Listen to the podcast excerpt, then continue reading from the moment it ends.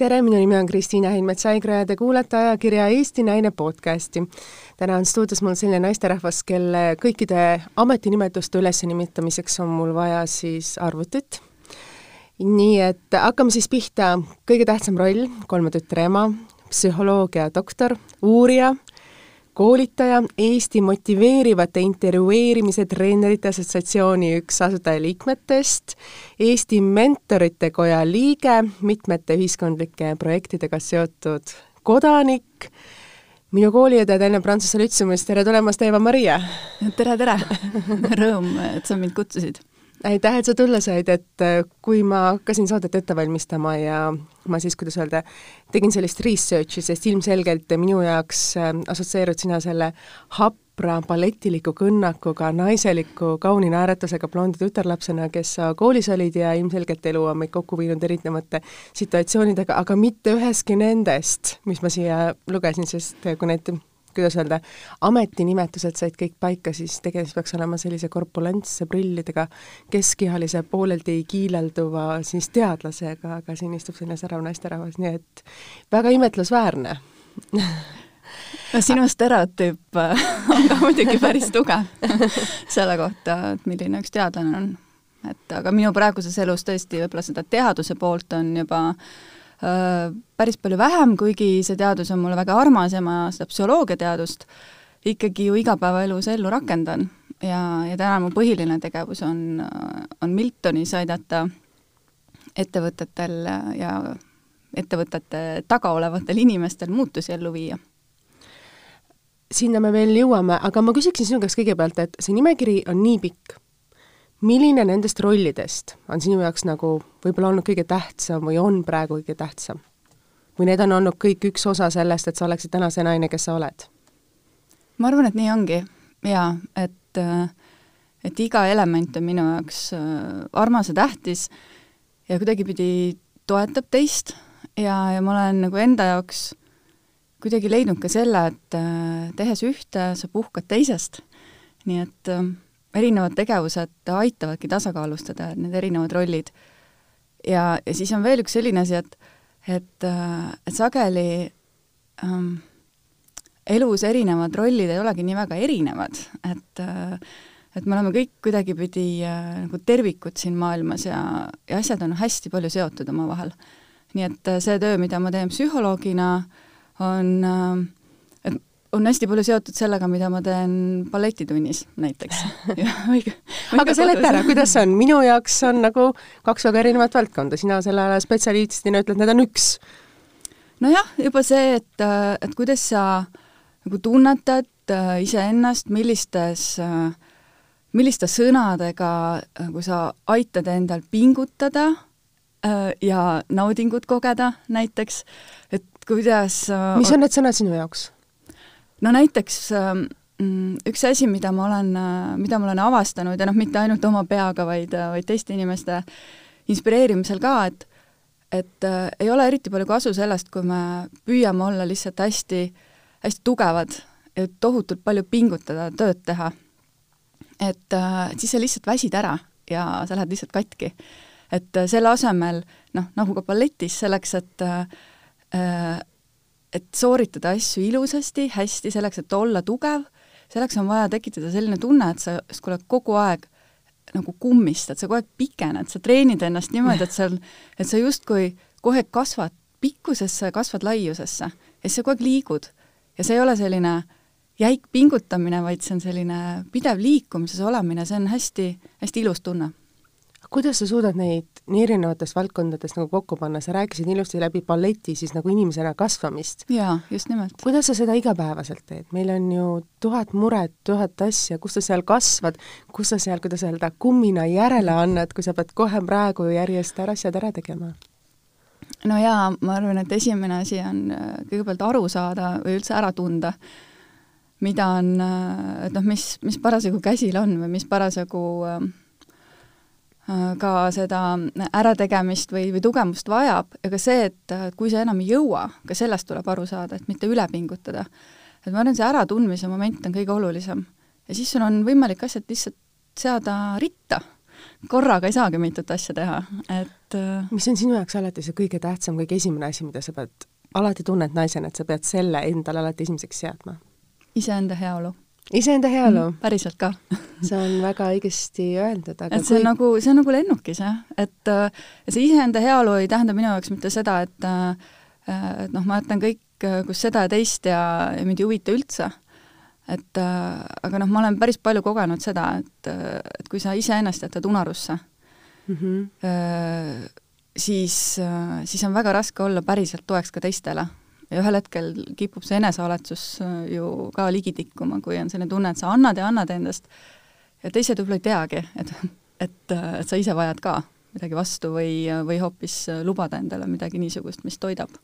kui sa oled iseendaga rahul, suudad sa ennast ka jagada rohkem teistega? ja, ja, ja täpselt nii. kuidas, arvestades nii palju neid erinevaid töövaldkondi, kuidas sul on, kuidas sa igapäevaselt nende valdkondadega hakkama saad, sest ilmselgelt sinu töö vajab rahulikkust, mõtlemist, teinekord süüvimist, väga, väga selliste psühholoogiliste tekstidega läbimõtlemist, töötamist, sul on kolm tütart, kuidas see kokku käib? Jaa, et ähm ja siin on mitu asja kõigepealt see, et ega ma ei saagi perfektselt hakkama kõigega kogu aeg et äh, mul on väga sageli selline tunne, et äh,, et leek põleb eredalt ja, ja mis sa teed, et seda leegi kustutada või, või sinu jaoks ongi see oluline, et see leek põleks, et see annaks sulle jõudu? äh,? Mingis mõttes küll jah, et natuke aktiveerib ka see, kui, kui mul ongi sisemiselt selline, selline palang on sees, mis mind niimoodi eda-, edasi viib, aitab, et seda küll et aga noh, teisest küljest uh, noh, see selle ereda leegiga tegelikult uh, noh, väga pikalt vastu ei pea. aeg-ajalt mobiliseerida on okei okay ja seda, no seda tulebki teha mm. -hmm. Aga samas tuleb endale aru anda, et noh, pikalt niimoodi ei saa. et noh, siis ma korra astun sammu kõrvale, et teinekord on vaja ainult hetke selleks, et korra hingata välja sõna otseses mõttes niimoodi ja teed sa mingeid harjutusi selle, selle jaoks? teen küll, mul on üks väga lihtne, hea selline kolme hingamise harjutus. mina kuulaksin hea meelega mida ma sellel, sellel hetkel kasutan. see ongi nii, ma lihtsalt kõigepealt äh, mõtlen, et ma üldse hingan, sest et kui on stress, siis me hakkame õhku peale ahmima, aga unustame korralikult välja hingata. ma lihtsalt hingan, siis ma mõtlen, et ma teen kaasa.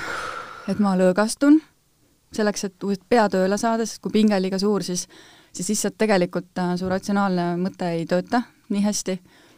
ja siis kolmanda hingetõmbega ma mõtlen, et mis on praegu üks kõige tähtsam asi. ja siis ma lähen selle ühe asjaga edasi. mis on praegu kõige tähtsam asi? antud hetkel tunda rõõmu sellest äh, hetkest ja rääkida siin sinuga. mitte muretseda selle pärast, mida ma võib-olla mõjutada ega muuta praegusel hetkel ei saa et äh, loomulikult mul on äh, parasjagu postkastis viis vastamata kirja, mis äh, mille pärast ma tunnen ennast natuke süüdi. Ja samal ajal ma saan aru, et hästi, antud hetkel praegu sellest muretsemisest ei ole kasu, et ma võtan need ükshaaval ette, kui me siin lõpetame väga hästi, kuidas öelda, järjekorda pandud asjad, mm. et kui sa mõtled, et sa tead, et sa pead midagi tegema, aga sa praegu antud hetkel ei saa seda ära teha, siis ei tasu selle üle muretseda, vaid võtad ette siis, kui sul on see võimalus. jah, et sellest muretsemisest ei ole äh, tegelikult vähimatki kasu, et äh, see on lihtsalt psüühika proo-, püüd panna, võtta kontrolli alla midagi, mida võtta kontrolli alla ei saa, et tulevikku sa ju ei saa kontrollida, minevikku ka mitte, ainult seda, kus sa parasjagu oled. Aga Kristiina, üks asi veel, äh, et see, sa küsisid, et kuidas ma hakkama saan siis ega ma üksi ei saagi, et kes on sinu turvavõrgustik, kes on sinu, kuidas öelda, see kalju siin ilmas? et äh, ikkagi teised inimesed mu ümber, ka mu lähedased, minu, minu enda selline sotsiaalne sammas ja tugivõrk. et äh, ma arvan, et me inimestena keegi ei saa üksinda seda maailma liigutada, ega, ega seda võib-olla ei tohikski võtta eesmärgiks. et äh, et seetõttu mm, sa ütlesid, et kolm tütart ja kuidas sa jõuad, noh, ühest küljest äh, on lapsed äh, teinekord väga iseseisvad ja arukad ja, ja ägedad ja saavad ise ka paljuga hakkama, teine asi on see täiskasvanute võrgustik. et, äh, et mu mees, laste isa, kes on, kes on samasugune partner nagu, nagu mina oma lastele ja, ja vanavanemad, et ma väga hindan ikkagi seda, et, et kui on mm, nagu perekonnas niisugune tugivõrk et muidu ma arvan, et ma oleksin oluliselt abitum. kolm tütart õpivad sul Tallinna Prantsuse Lütseumist ja enda kogemuse järgi võin öelda, et nad saavad suurepäraselt hakkama, sest ei möödu vist ühtegi esinemist, kui nad ei esineks, sina klaveril ja nemad siis viiulil. et teil on ka selline, kuidas öelda, perekondlik traditsioon. et te esinete väikestel üritustel.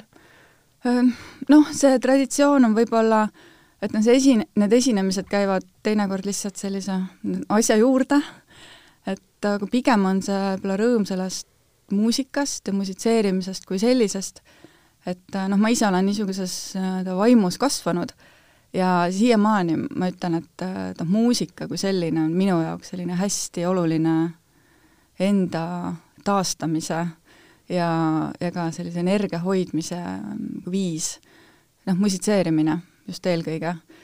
et ma mängin klaverit ja, ja siiamaani tõesti enda, enda rõõmuks eelkõige ja, ja kui seda saab teha ka teistega koos, see on ju veel toredam. et ma ütlen, et loomulikult ega mu äh, mu tütred ei ole tingimata võib-olla seda tüüpi äh, musitseerijad, kes, kes igal hetkel suure rõõmuga koos emaga igale poole lavale hüppaksid. aga kui on sellised olukorrad, kus see neile meeldib, see mõte, siis äh, siis, siis on tore koos musitseerida, aga ega ma neid tagant ei, väga ei suru ega push'i. Eks mingis vanuses nad ei taha ka seda enam, et sõbrad on ju palju ägedamad kui perekond ja ema-isa, et tuleb ka see periood üle elada, siis tegelikult kui lapsed just õpivad seda viiulit või klaverit nii perfektselt mängima, et võiks juba esineda rohkem. nojah, et äh, nende jaoks tähendab see ka äh, harjutamist, äh, mis on, alati ei ole võib-olla kõige suurem nauding, kuigi ma püüan neile nagu tekitada neis seda arusaamist, et ikka pingutamine võib olla nauding, et siis sul on seda palju lihtsam teha, et ma ise üritan seda endas äh, niimoodi mõtestada, sest et nii on võimalik lihtsalt äh, lihtsamini hakkama saada asjadega, mis muidu nõuavad palju tööd ja vaeva. kuidas sa motiveerid, sest äh, minul on ka kaks last, kes õpivad pillimängu ja ma arvan, neid vanemaid on tuhandeid üle Eestimaa, kelle lapsed õpivad pillimängu ja see ei ole lihtne et kui nad mingil hetkel lähevad suure hurraaga sinna ja tahavad seda teha oma südamest, sest ilmselgelt nad muidu ei satuks sinna muusikakooli, siis mingil hetkel hakkab see tagasilöök, et mida sa ise emana oled kogenud, et mis on need motiveerivad äh, detailid? jah, et eks neid on äh, äh nipid, ütleme siis nipid nipid. no üks asi, üks nipp on see, et äh, noh, aidata mõista, et millegi suurema saavutamine Äh, nõuabki nagu sammhaaval äh, töö tegemist ja, ja järjepidevust, et võib-olla just see järjepidevuse pool, et kui sa äh, panustad iga päev natuke, siis on äh,, siis on kokkuvõttes su vaev väiksem äh, ja, ja tulemus äh, nauditavam kui see, kui sa võtad korra nädalas äh, ette harjutamise, siis sa ise saad aru, et ei tule välja ja see on suur piin ja sa teed seda pikalt järjest ja siis sa saad sellest ainult negatiivse kogemuse. et võib-olla nagu iseenda jaoks nende väikeste eduelamuste tekitamine on, on see, mida ma olen oma lastele ka nagu püüdnud edasi anda, et nad oskaksid neid väikseid hetki hinnata ja nautida, seda tagasisidet endale ka tekitada. ja noh, muidugi, et äh, eks ma teinekord kasutan ka seda, et ma lihtsalt äh, ütlen, et et nüüd on see, nüüd on see hetk, et kus sul on, ma näen, et sa oled olnud siin telefonis juba pool tundi. Tundub, et aega on küll. Et, äh, et võta see viisteist minutit ja tee see ära. Ja siis äh, noh, teinekord tuleb ikkagi hästi konkreetselt äh, otsa peale aidata. Et mis on see, millega sa aidad otsa peale? Mind emana väga huvitab see, et mul on, ma ütlen, kaks pillimängijat on kodus ja see on ikka väga keeruline, et sa tuled talle vastu, et jaa, teeme nüüd kümne minuti pärast, teeme kümne minuti pärast, ütleb ei, ma ei saa, emme, mul on see mäng on pooleli ja sa tahad tal selle lubada emana, aga kui see juba läheb sul kolmkümmend minutit, siis ja aeg jookseb kokku ja ta peab mingil hetkel minema magama, et noh, kuidas otsa peale aitad, paned elektri välja. Noh, eks see on ikka omavahel kokkuleppimise küsimus ja ja, ja noh, selles mõttes kõigepealt selle kokkuleppimine, et noh, mulle tundub, et sa ei saa ise sellega päriselt hakkama, noh, see on okei okay,, et sul on, ongi palju asju elus, et et luba, ma aitan sind, ma aitan sul meelde tuletada, kui nüüd on aeg. ja siis, siis sa tuletad meelde, siis nii ongi, et siis ei ole enam mingisugust kauplemist või, või seda, et kümne minuti kaupa aja juurde mangumist. et, et siis sa pigem abistad, mitte ei ole see kubjas, kes kulbiga taga ajab. ja ja seda saab teha väga konkreetselt ja, ja vajadusel ka rohkem jõuliselt, et, et igaüks me tunneme oma lapsi ise. et kellele mis strateegia töötab, ka minu tütred on väga erinevad. Need on kolm sul? kas sul nüüd noorem õpib juba koolis või tal on viimane aasta lasteaeda? tal on viimane aasta lasteaias, nüüd järgmine aasta alustab kooli, teda väga ootab. ootab ma arvan, et tal on õdede kõrvalt vist juba laulud on selged, nii et sa loodad, et ta saaks samasse kooli Tallinna Prantsuse Lütseumisse? noh, Äh, kindlasti li-, Linda läheb äh, katsetele ja eks siis selgub. et, et ma eks... ei ole kunagi seda meelt olnud, et lapsi väga spetsiaalselt äh, ette valmistada või mm -hmm. trillida või treenida, et et ähm, pigem kui jälgida, kus, kuidas see huvi ise läheb ja siis, siis loomulikult toetada, et ega see lugemine ainult iseenesest ka ei tule ja samal ajal nagu pole mõtet nagu tohutult treenida ja trillida, et äh, et vaid pigem jällegi on, luua see keskkond, kus ta saab ise, äh, ise harjutada. nii et, et vaatame, et äh, kuidas tal siis katsetel läheb. ma olen sinuga absoluutselt nõus, et sa pead looma lapsele keskkonna, et ta saaks iseennast arendada või aitama teda kaasa teatud detailidega, aga sa ei saa teda sundida ja suruda, sest siis ta hakkab vastu sellele. loomulikult, ega meile endalegi see sundimine, surumine ju ei meeldi. Et äh, noh, kuni sinnamaani välja, et, et kui palju meie enda selles sisekõnes on neid sõnu, et ma pean või ma ei tohi. ja kui sa endale ikkagi hästi palju ütled seda, mida sa kõik pead tegema ja mida sa kõik ei tohi teha, siis äh, noh, see ei motiveeri tegelikult äh, pikemas plaanis ju, et tekib ka endal sisemiselt see trots. et äh, noh, et vahet, tegelikult ajul ei ole vahet, et kas see käsk ja keeld tuleb väljastpoolt või seestpoolt, väike trots tekib ikka aga sul naisena ei ole hommikul teinekord raske, et sa tead, et sa pead need asjad õhtuni ära tegema, seda pead sõna sa pead siiski päeva jooksul võib-olla endale kakskümmend korda mm. ütlema, sest sul ei ole teist varianti mm. -hmm. või, või, või lei-, või on sinul mingisugune teistmoodi mudel või sõna või, või mõte, kuidas siis seda ennast motiveerima neid asju tegema, sest no meil on lihtsalt teatud, teatud asjad iga päev ees emade, naiste ja abikaasta, abikaasadena. jaa, tõsi, on. ja, ja ma olen tõesti harjutanud seda, et ma äh, olen viinud miinimumini oma peas äh, selle, et ma pean sõna ja, või, või, või ma ei tohi või mul tuleb, vaid äh, ma lihtsalt ütlen endale, et ma teen. et ma lähen poodi, ma kirjutan selle kirja ära äh,, ma valmistan selleks äh, seminariks ette äh, ja, ja kui see tundub loomulik ja okei okay,, siis ma ütlen endale, et äh, ja siis mul on võimalik äh, noh, nautida õhtust trenni siis ma saan, jõuan veel ära käia poes, siis ma saan seda, teist ja kolmandat. et see endale lubamine äh, on, on suurema jõuga kui endale keelamine või enda käskimine ja samal ajal sa saad kõik äh, kõik need asjad tehtud või, või, või sa ei pea endale valetama, vaid sa lihtsalt muudad natuke neid sõnu enda peas. ja asjad saavad kohe hoopis teise tooni ja jõudu on rohkem. sõnastad ümber? jaa, ma sõnastan ümber kui tihti sa seda ise teed, kui palju sa suudad seda keskjoont siis hoida sellise headusena? siis äh, ma teen seda üsna äh, sageli siis, kui ma tunnen ära, et ma, et see käskiv ja keelav äh, Eva-Maria hakkab liiga palju ka tooni andma mu peas. et noh, siis ma saan aru, et ma võtan endal niimoodi ise jõudu ära. et ähm, ja see ei tähenda, teinekord ongi see märk sellest, et et on vajadus võtta midagi vähemaks et ähm, see on kindlasti üks minu probleem, et ma ütlen liiga paljudele asjadele jaa. sest ma mulle see on väga paljude naiste ja emade probleem. et äh, noh, ikka ju tundub, et kuidas ma siis ei saa, ikka saan, loomulikult, muidugi. ja siis sa oled selles hetkes ja saad aru, et sa oled võib-olla lubanud natuke liiga palju. kuidas sa sealt välja tuled, et kui sa mõistad, et ma olen nüüd, lubasin, aga ma ikkagi ei suuda seda teha ja sa ei taha teist inimest ka alt vedada, et kuidas sa sellise olukorra ära lahendad? Ja seal on kaks võimalust, et sa teed need asjad ikkagi ära, mobiliseerid ennast äh, lühemaks ajaks ähm, oma äh, muude oluliste eluaspektide arvelt, äh, kas või uni näiteks. ja mida me teeme tihti kõik ja, ja teine asi seal kõrval, mida ma olen kasutanud ja avastanud, et see tõesti on täiesti normaalne, on tunnistada ausalt, öeldagi ausalt teisele inimesele, et tead, ma hindasin oma võimeid üle ma tegelikult ei jõua, lepime kokku mingisuguse teise nagu lahenduse, võimaluse ja inimesed saavad aru, et äh, meil ei ole vaja äh, kuidagipidi genereerida mingisuguseid äh, äh, väikeseid valesid ettekäändeid ja valesid. et, äh, et peaksime palju vähem häbenema võib-olla seda äh, olla ausad. jah, just täpselt, et see avatus ja julgus näidata oma haavatavust, aga seda, et sa ei olegi üliinimene, on, see on jube oluline.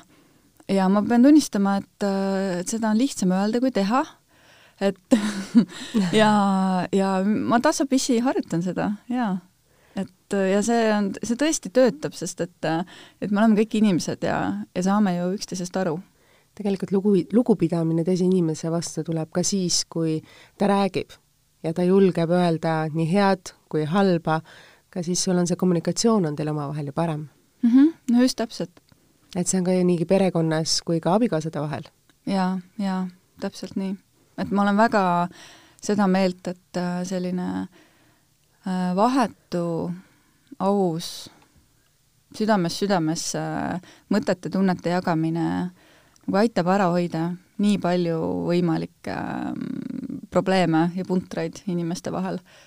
et, et isegi kui tundub, et see on nagu väike asi või kuidas ma nüüd siis ütlen, äkki ta pahandab või solvab või ei saa aru, siis äh, mida varem sa nendest asjadest juttu teed, seda väiksem on tegelikult see segadus ja jama, mis võib tulla.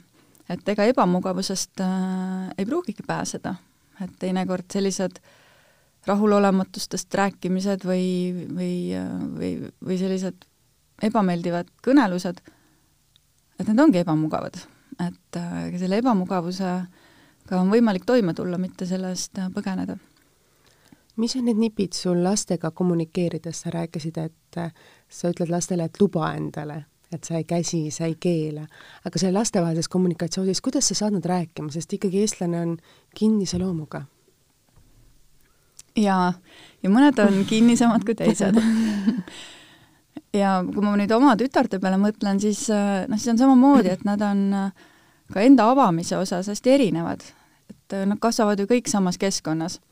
et äh, aga ometi, nad on juba inimestena erinevad, et äh, mul on äh,, oma väiksema tütrega on mul eriti lihtne leida kontakti et äh, ta on mulle selliseks väga suurepäraseks peegliks äh,. siis mu teine tütar on äh, on, on hästi tundlik ja avatud ja ta hea meelega just tahabki arutada selliste asjade üle, et nende enda selliste tunnetuslike peenete nüansside üle ja ja, ja see on ka hästi, hästi tore, sellepärast et noh, siis ongi võimalik teada saada, mis tema peakeses toimub. ja kolmas tütar, kõige vanem tütar, et teda mul on kõige raskem rääkima saada, et, et et ta proovib kõik asjad ise oma peas ära lahendada, ta räägib minuga siis, kui asjad võib-olla on juba natukene sellised, et ta kuidagi ise ei saa. et, ähm, et temaga on, ongi nii, et meil on vaja, tead, selleks on vaja aega, selles mõttes, et äh, mitte lihtsalt, et ma broneerin kvaliteetaja lapsega tund aega nädalas, vaid, ähm, vaid teinekord need avanemised tekivad lihtsalt pikema aja peale, et sul on vaja tekitada nagu mitte ainult kvaliteeti, aga kvantiteeti et sa lihtsalt oledki koos ja siis need mõtted hakkavad nagu, see avanemine toimub. et äh, ma olen nagu hästi seda meelt, et, et aega peab olema lihtsalt ka päriselt rohkem, mida sa võtad äh, koos olemise peale ja siis, siis on lihtsam avaneda laste ja pere jaoks, aga seda aega on ju väga keeruline leida, mis on need hetked võib-olla, mida sina, kuidas öelda, planeerid oma tegevusse? laste siis või perega või mis on need, mis panevad nagu lapsi, mida sa ise näed oma elukogemuselt ja võib-olla oma siis teadmistelt oled nagu ise katsetanud, et mis on need asjad? ma olen hästi halb äh, nagu sellises kalendri pidamises selles osas, et äh, broneerida endale neid, neid slotte, et äh, kusjuures ma tean, et paljudel inimestel see töötab ja toimib väga hästi, et sa teedki endaga kokkuleppe, et siin on see aeg, kus ma mitte ühtegi muud asja sisse ei luba ja, ja, ja siin ma olen noh, näiteks iseenda jaoks või näiteks lastega koos või, või näiteks perega koos.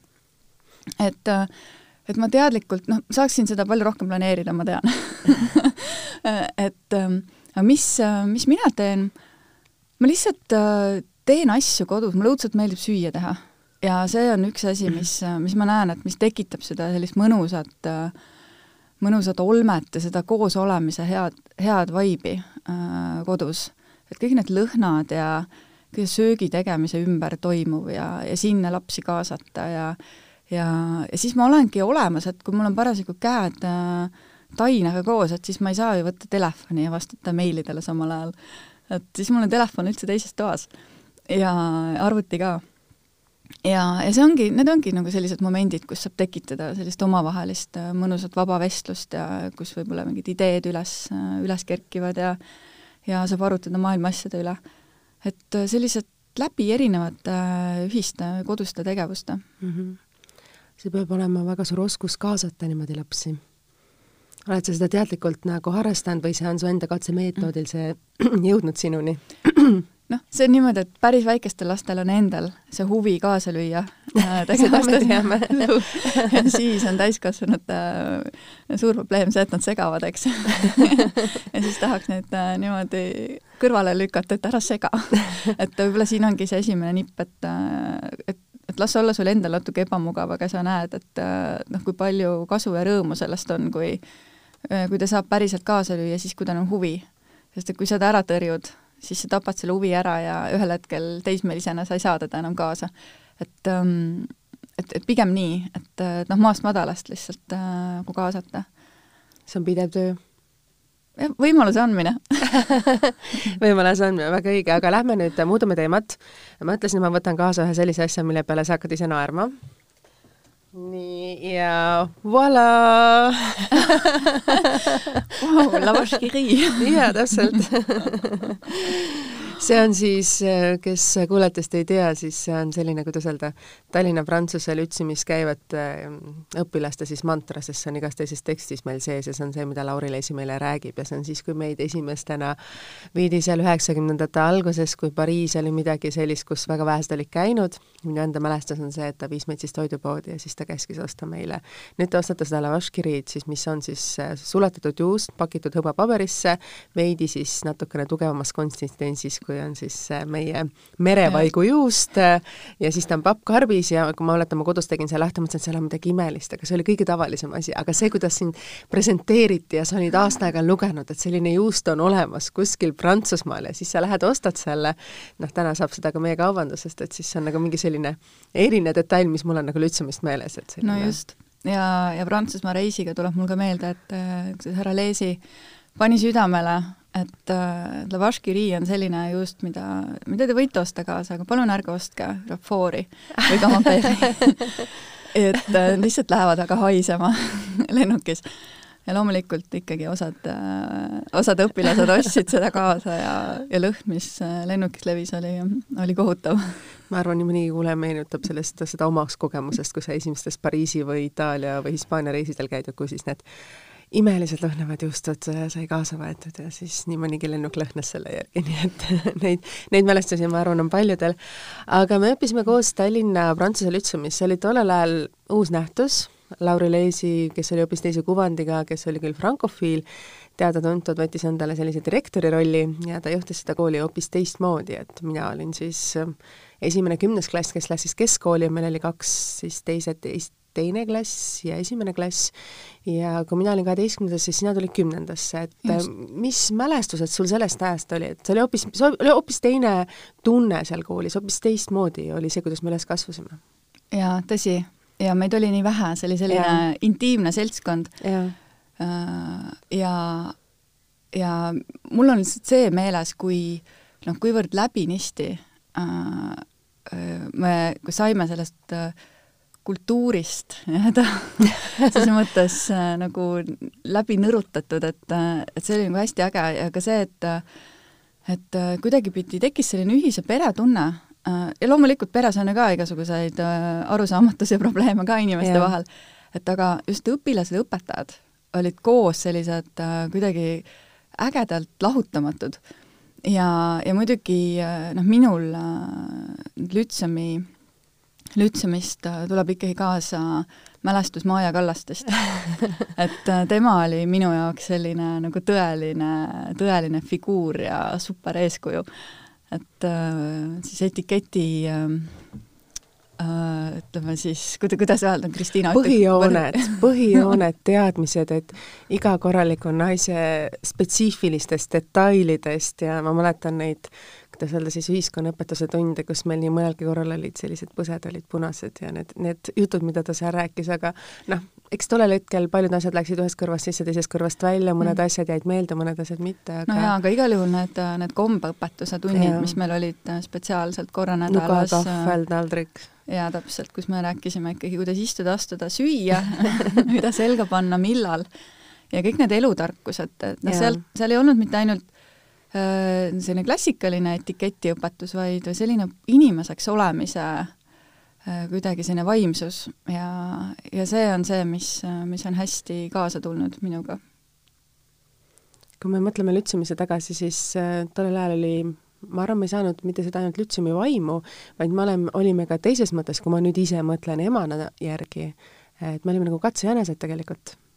meid ju visati uues süsteemis vette, meil ei olnud raamatuid me õppisime ei tea milliste õpikute järgi, paljud ained tulid alles meiega nagu järgi, meil olid noored õpetajad, mis oli tegelikult Leesi selline hulljulge risk, et ta võttis noored äsja ülikooli lõpetanud õpetajad, väga paljud nendest, kes on ka täna siis Lütsemis edasi õpetajatena, ja nad hakkasid siis seda kooli üles ehitama täiesti hoopis teistmoodi, teiste, teiste reeglite aluselt, et nii paljud reeglid on nagu alles jäänud, nii mõned võib-olla peaks juba täna võib-olla ümber muutma aga jah, see midagi oli nagu teistmoodi. et ma täna emana mõtlen, et kui mu laps ütleks, et ta tahaks minna uude kooli, keskkooli, mis keskkond on ju tegelikult see, mis määrab väga palju võib-olla osa su tulevikust, eriti praegu need hinded ja need oskused ja hakkamasaamised, siis ma ei tea, kas ma emana seda julgeksin no jaa, et noh, korra veel Lütsemi juurde tulles, siis, siis tõesti noh, minu jaoks ma arvan, et noh, see aeg määras väga palju sellest, mis must edasi on saanud, et et loomulikult ka kogu see kodune toetus ja, ja need väärtused, mis, mis kodu poolt tulevad, ja teiselt poolt me veedame ikkagi nii suure osa ajast äh, noorte inimestena äh, koolis, siis, siis need inimesed, kes, kes sealtpoolt meid mõjutavad, et nendel inimestel on ikkagi väga suur jõud. ja ma olen väga tänulik selle eest. ma olen sinuga absoluutselt nõus, et ma arvan, Maja Kallast on see naine, kes on väga paljusid meie tollel ajal, tollel ajal ütlesin, käinud. Eriti tütarlapsi, ma arvan, mõjunud, nii et äh, ma arvan, keegi ei lähe välja pesemata peaga või ilma lõhnaõlita, mida, mis meil seal iga, iga, kuidas öelda, luuletuse korrektse ja õige vastamise eest meile pandi, see ei olnud oluline, kas tegemist oli mees või naislõhn, naissoost lõhn, naise jaoks mõeldud lõhnaga, et aga ma mäletan seda jah, et härra Leesi käis, tal oli jah, alati oli kaks valikut ja siis noh, ilusa esituse eest äh, sai, saime sellise sutsaka head lõhna et on tegelikult, mida meenutada, et et sa ütlesid, et see kooliaeg määrab nagu hästi palju tegelikult iga noore inimese tulevikust, et sina läksid õppima psühholoogiat, kust see valik tuli mm.?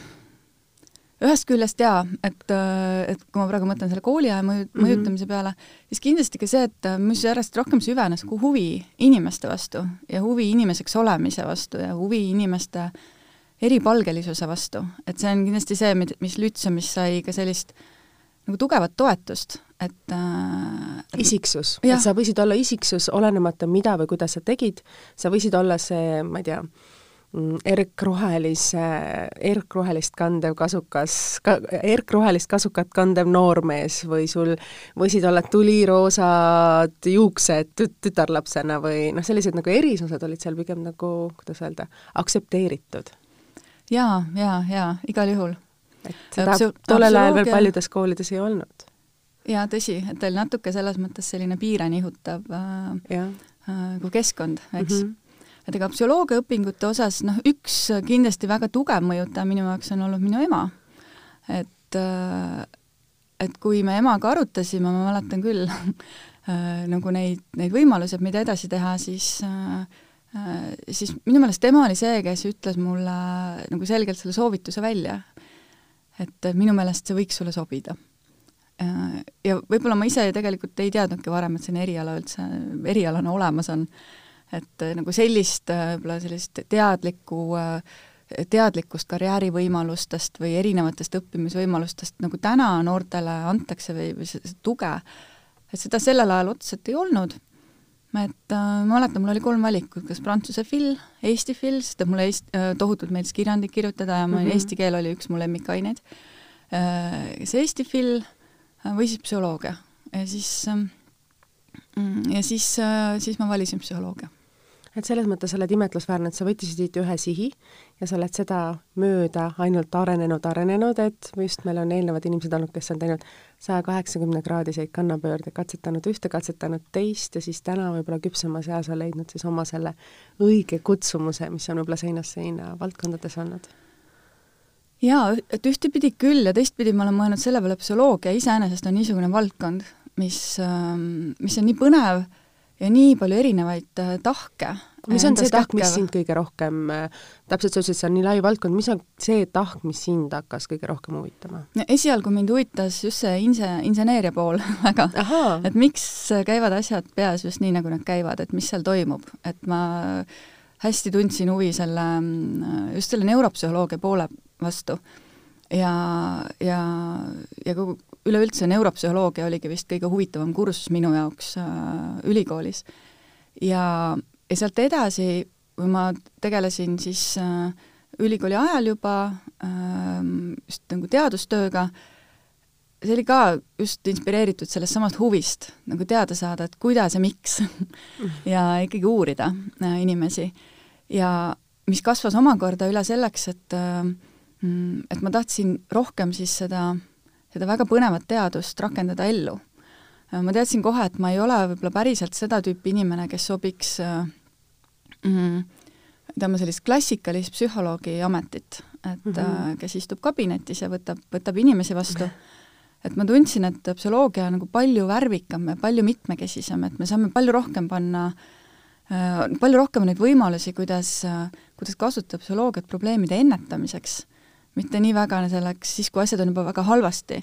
et äh, psüühikahäirete klassifikatsioon on, äh, on väga paks, et äh, ja, ja teatud mõttes me kõik mm, võib-olla natuke kompame neid piire ja, ja oleme kord, kord ühe serva peal, kord, kord teise serva peal.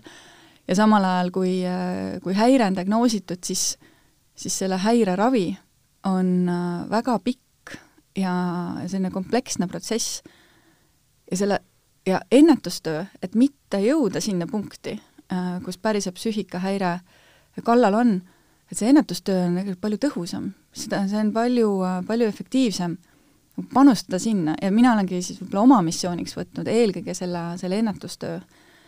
et ja, ja tõesti noh, suur kummarduse müts maha kolleegide ees, kes, kes päevast päeva tegelevad just sellega, et aidata juba väga sügavas augus olevaid inimesi tagasi tulema ja see on võimalik, et äh, psüühikahäire on äh, haigus nagu iga teine ja, ja neid on võimalik ravida.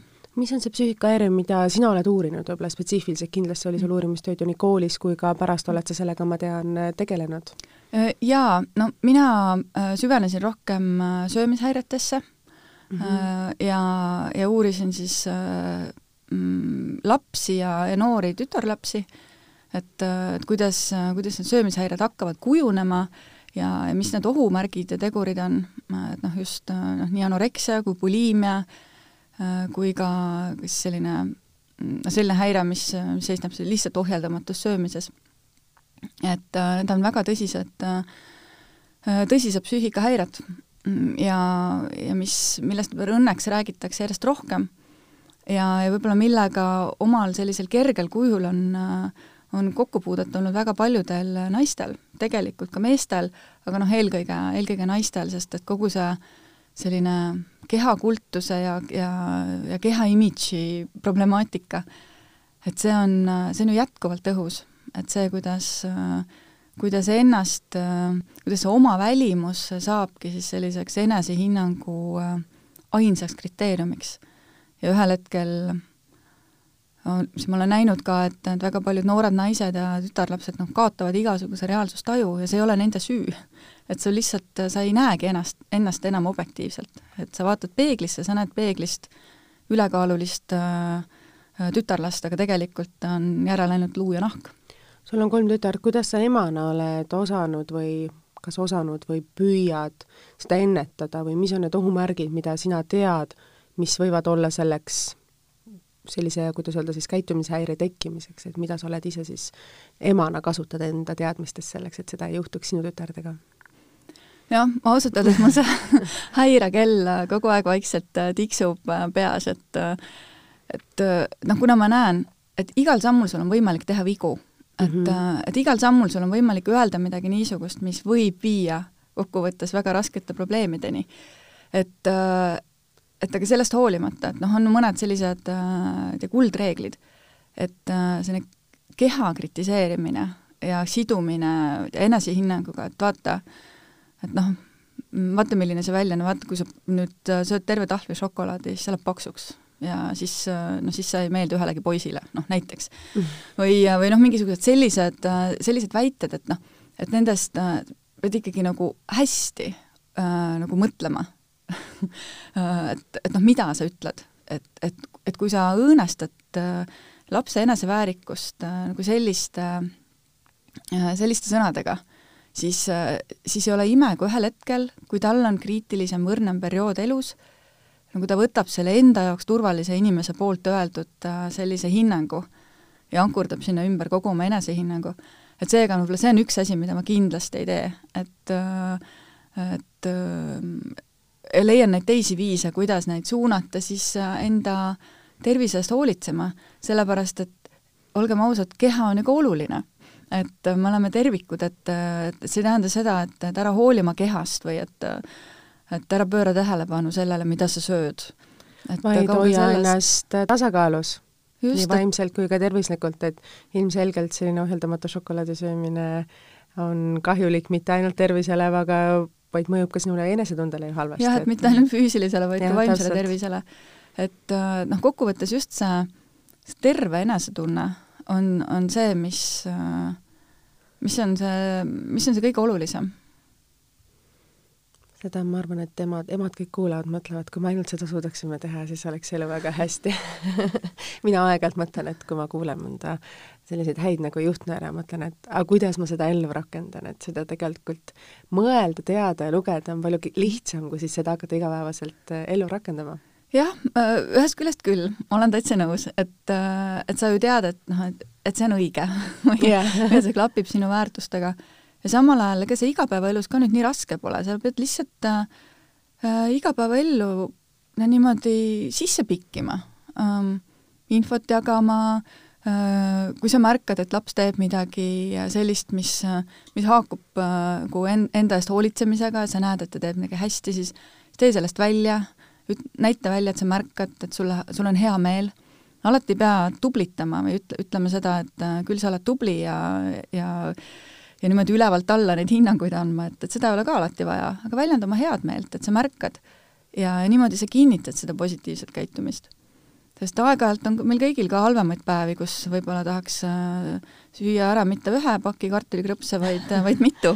noh, meil endalgi. Just täpselt, et äh, see on okei. Okay,, muidugi, anna minna mõnikord Läheme nüüd teise valdkonnaga edasi, et ma tean, et äh, kui ma guugeldasin su nime, siis sealt tulid välja sellised mingid eneseabi üheminutilised videod, neid vist on terve sari või mingisuguseid vaja, need vist on tehtud selle kevadise koroonaviiruse ajal, et seal oli üks teema, oli, üks õppetund oli selline, et kuidas vältida koroona ajal paanikat kuna meil on äh, täna rekordilised äh, numbrid jälle selle koroonaga, kui me vaatame Euroopas ringi, siis mitmed riigid on juba lockdownis, tuttavad, kes mul seal elavad, ütlevad, et olukord on päris kriitiline, päris keeruline, lapsed on juba koolides kodus, meil veel Eestis käivad koolis, aga me ei tea, kaua see, kaua see kestab, osad koolid on juba tegelikult kaugõppel seoses selle viirusega, et kuidas siis vältida seda paanikat, et mis on siis sinu kui spetsialisti nõuanne jaa, tõepoolest, Tallinna Ülikooli äh, minutiloeng. jaa, täpselt, täpselt, täpselt. mida sa nägid. väga lahe. et äh, no siin on äh, üks asi, millest ma, noh, ma ise lähtun, et äh, et noh, teades, kuidas asjad äh, psüühikas käivad ja kuidas mm -hmm. me sellisele et noh, mis meis pinget ja stressi tekitab, kõige rohkem tekitab stressi määramatus või teadmatus. ja sellised pidevad muutused, et sa ei tea, sul justkui midagi ei ole sinu kontrolli all ja see kütab ärevust. Ja siis sul hakkavad igasugused negatiivsed stsenaariumid peas äh, hoogu võtma ja siis sa kütad ennast järjest rohkem ja rohkem üles ja tegeled asjaga, mida sa tegelikult mõjutada ei saa. see on seesama muretsemine, eks yeah.. et sa ei ole enam ammu selles praeguses hetkes vaid sa oled, oled omadega kuskil väga kaugel ees, eks ju. ja mida sa ei saa mõjutada. aga psüühikale tundub, et, et, et, et sa saad. ja, ja see on kui esimene nõuanne, et mitte üritada võtta kontrolli alla seda, mida, mis ei ole veel praeguses hetkes. et kui sa ei saa kui on teadmatus ja kui sa ei saa tegelikult ette näha, mis järgmise kuu aja pärast toimub, siis, äh, siis keskendu sellele, mis on nüüd, praegu, täna olemas, hästi ja mida sa praegu saad teha. ja, ja üks asi, mida ma sellistel, eriti ärevatel aegadel ja ka siis, kui ülepinge on kuhjunud, mitte ainult koroona ajal, muul ajal ka, mida ma väga soovitan, ongi teadlikult tähele panna seda, mis su elus on hästi. mis äh, Äh, millega, mis sul täna läks hästi, mille üle sa oled rõõmus, mille üle sa oled tänulik, kes need inimesed on sinu ümber, äh, kellest, äh, kelle üle sul on hea meel ja kellest sul on kasu. et, et võta, suuna oma tähelepanu korra sellele, mis sind juba täna aitab. ja see aitab väga hästi, kui võtta seda tähelepanu ära nagu ebavajalikult, millega sa muidu niimoodi satud sinna vurri ja üks asi, mida ma ise ka teen, et lisaks sellele, et mõtiskleda nende suurte küsimuste ja, ja vastuste üle, et, et kes need ajalehe pealkirjad. ja kes on need armsad inimesed mu ümber ja küll ma olen õnnelik, et, et päriselt, et et mul on selline perekond, nagu on või et, et ma saan teha sellist tööd, mis mulle, mis mulle päriselt korda läheb. Kõik sellised asjad, mida on ka hea aeg-ajalt meelde tuletada, ma lihtsalt kollektsioneerin päeva jooksul väikseid positiivseid hetki et äh, noh, sõidan autoga ja, ja näen mingisugust äh, ägedat vaadet, mingisugune noh, kas või see, et äh, lained niimoodi mästlevad ja vahutavad ja mis sest, et väljas on tuuline, vihmane ja samal ajal see vaatepilt on hästi ilus. ja siis registreerid ära selle vaatepildi enda jaoks. või, või sa näed mõnda ilusat inimest või mingit kihvti hetke või midagi naljakat, mis paneb sind naerma.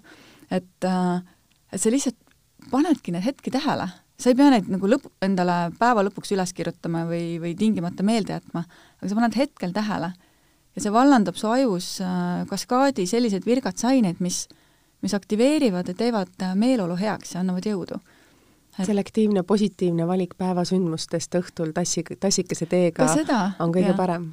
Et, äh, et, et ka see on üks täitsa selline reaalne tehnika, et see viie minuti päevik on selle tehnika nimi, et, et sa võtad mm -hmm. õhtul viis minutit ja, ja paned kirja endale need asjad, mis olid tänases päevas äh, meeldivad ja hästi, mille üle sa uhkust tunned iseenda juures näiteks see on midagi, mida, mida mina kirjutan endale kindlasti üles, mida ma proovin hakata rohkem tegema, sest ilmselgelt see aasta lõpp ja jõulud saavad olema sellised päris kriitiline ja raske periood, et kui meil lumi maha ei tule, siis on selline pime, võib-olla veel selline noh, nii nagu meil siin Eestimaal on, et tuleb selline, kuidas öelda, negatiivsus peale ja võib-olla halvad mõtted ja võib-olla kõik sellised mitte kõige paremaks iseenese end, ennast tundmine sellistes kodusemas miljöös, kus sul ei ole võimalik võib-olla nii palju suhelda ja olla, et siis mm -hmm. on mhm. kindlasti see, mida, mida ka kodus olles saaks, saab ju teha päev läbi. kipub, kipub jah, peale tulema selline, äh, selline taak, eks ju. et ähm, ja seal äh, nagu samas mm, ongi niimoodi, et äh, noh, psüühika äh, korjab iseenesest väga lihtsalt üles need asjad, mis on negatiivsed. sest see on ebanormaalne ja meil on evolutsiooniliselt sisse kodeeritud see, et et äh, see, mis on halb, see on ohtlik ja see, sa võid surma saada, eks, ja sinna see tähelepanu läheb. ja see, mis on hästi, see on normaalne, sellest ei pea välja tegema, see on enesestmõistetav.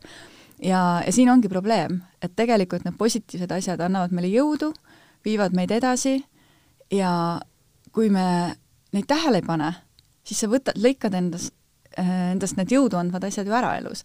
et äh, need ei ole tegelikult enesestmõistetavad, just tuleb teadlikult tähelepanu juhtida, siis on ka selle negatiivsega lihtsam hakkama saada aga see on väga ilus lause, et tõmmata meie saade kokku sellise mõttega, et keskendume positiivsusele, näeme elus positiivsust ja kõik, mis muu, laseme endast rahulikult mööda, kuidas öelda siis, libiseda rahulikult mööda, et me ei pane tähele, kui meie ümber on midagi negatiivsest aitäh sulle, Eva-Maria, et sa tulid siia saatesse. aitäh, Kristiina!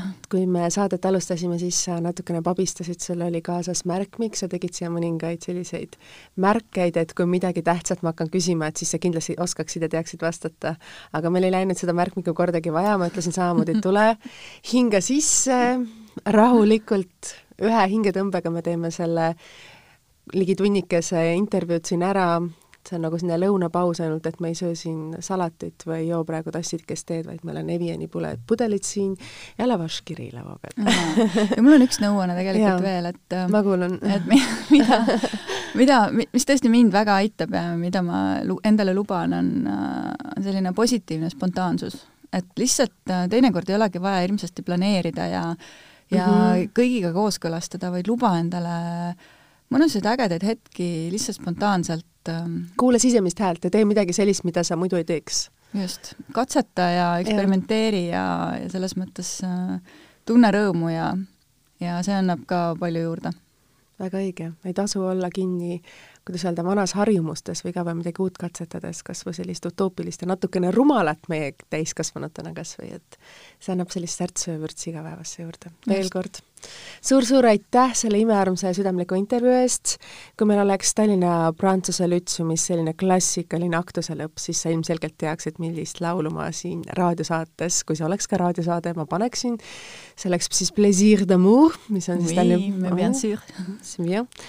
et see oleks siis öelda, kuidas öelda siis selline alati lõppakord, millega me oleme harjunud, aga kuna meil ei ole raadiosaadet, siis ma ei saa seda teha, nii et ainuke asi, mis ma saan öelda veel kord, aitäh, et te tulite, aitäh, et sa tulid, aitäh kõigile kuulajatele, ma loodan, et te saite Eva-Marialt palju inspiratsiooni, kuidas hakkama saada ema, naise, abikaasana, ühiskonna reeglite, kõikide muude emotsioonidega, et ma loodan, et see aitab teid kuidagi homse olema või täna õhtul olema parem inimene nii et aitäh, et te kuulate Eesti Naise podcasti, minu nimi oli Kristina Imets-Aigro ja te saate kuulata seda nii Spotify's, SoundCloudis kui ka hoida siis Instagrami vahendusel kristina.heinmets.podcast tegemistel peal siis Instagramis, mis siis toimub meil siin huvitavat. aitäh teile ja ilusat nädalavahetust, kõike head!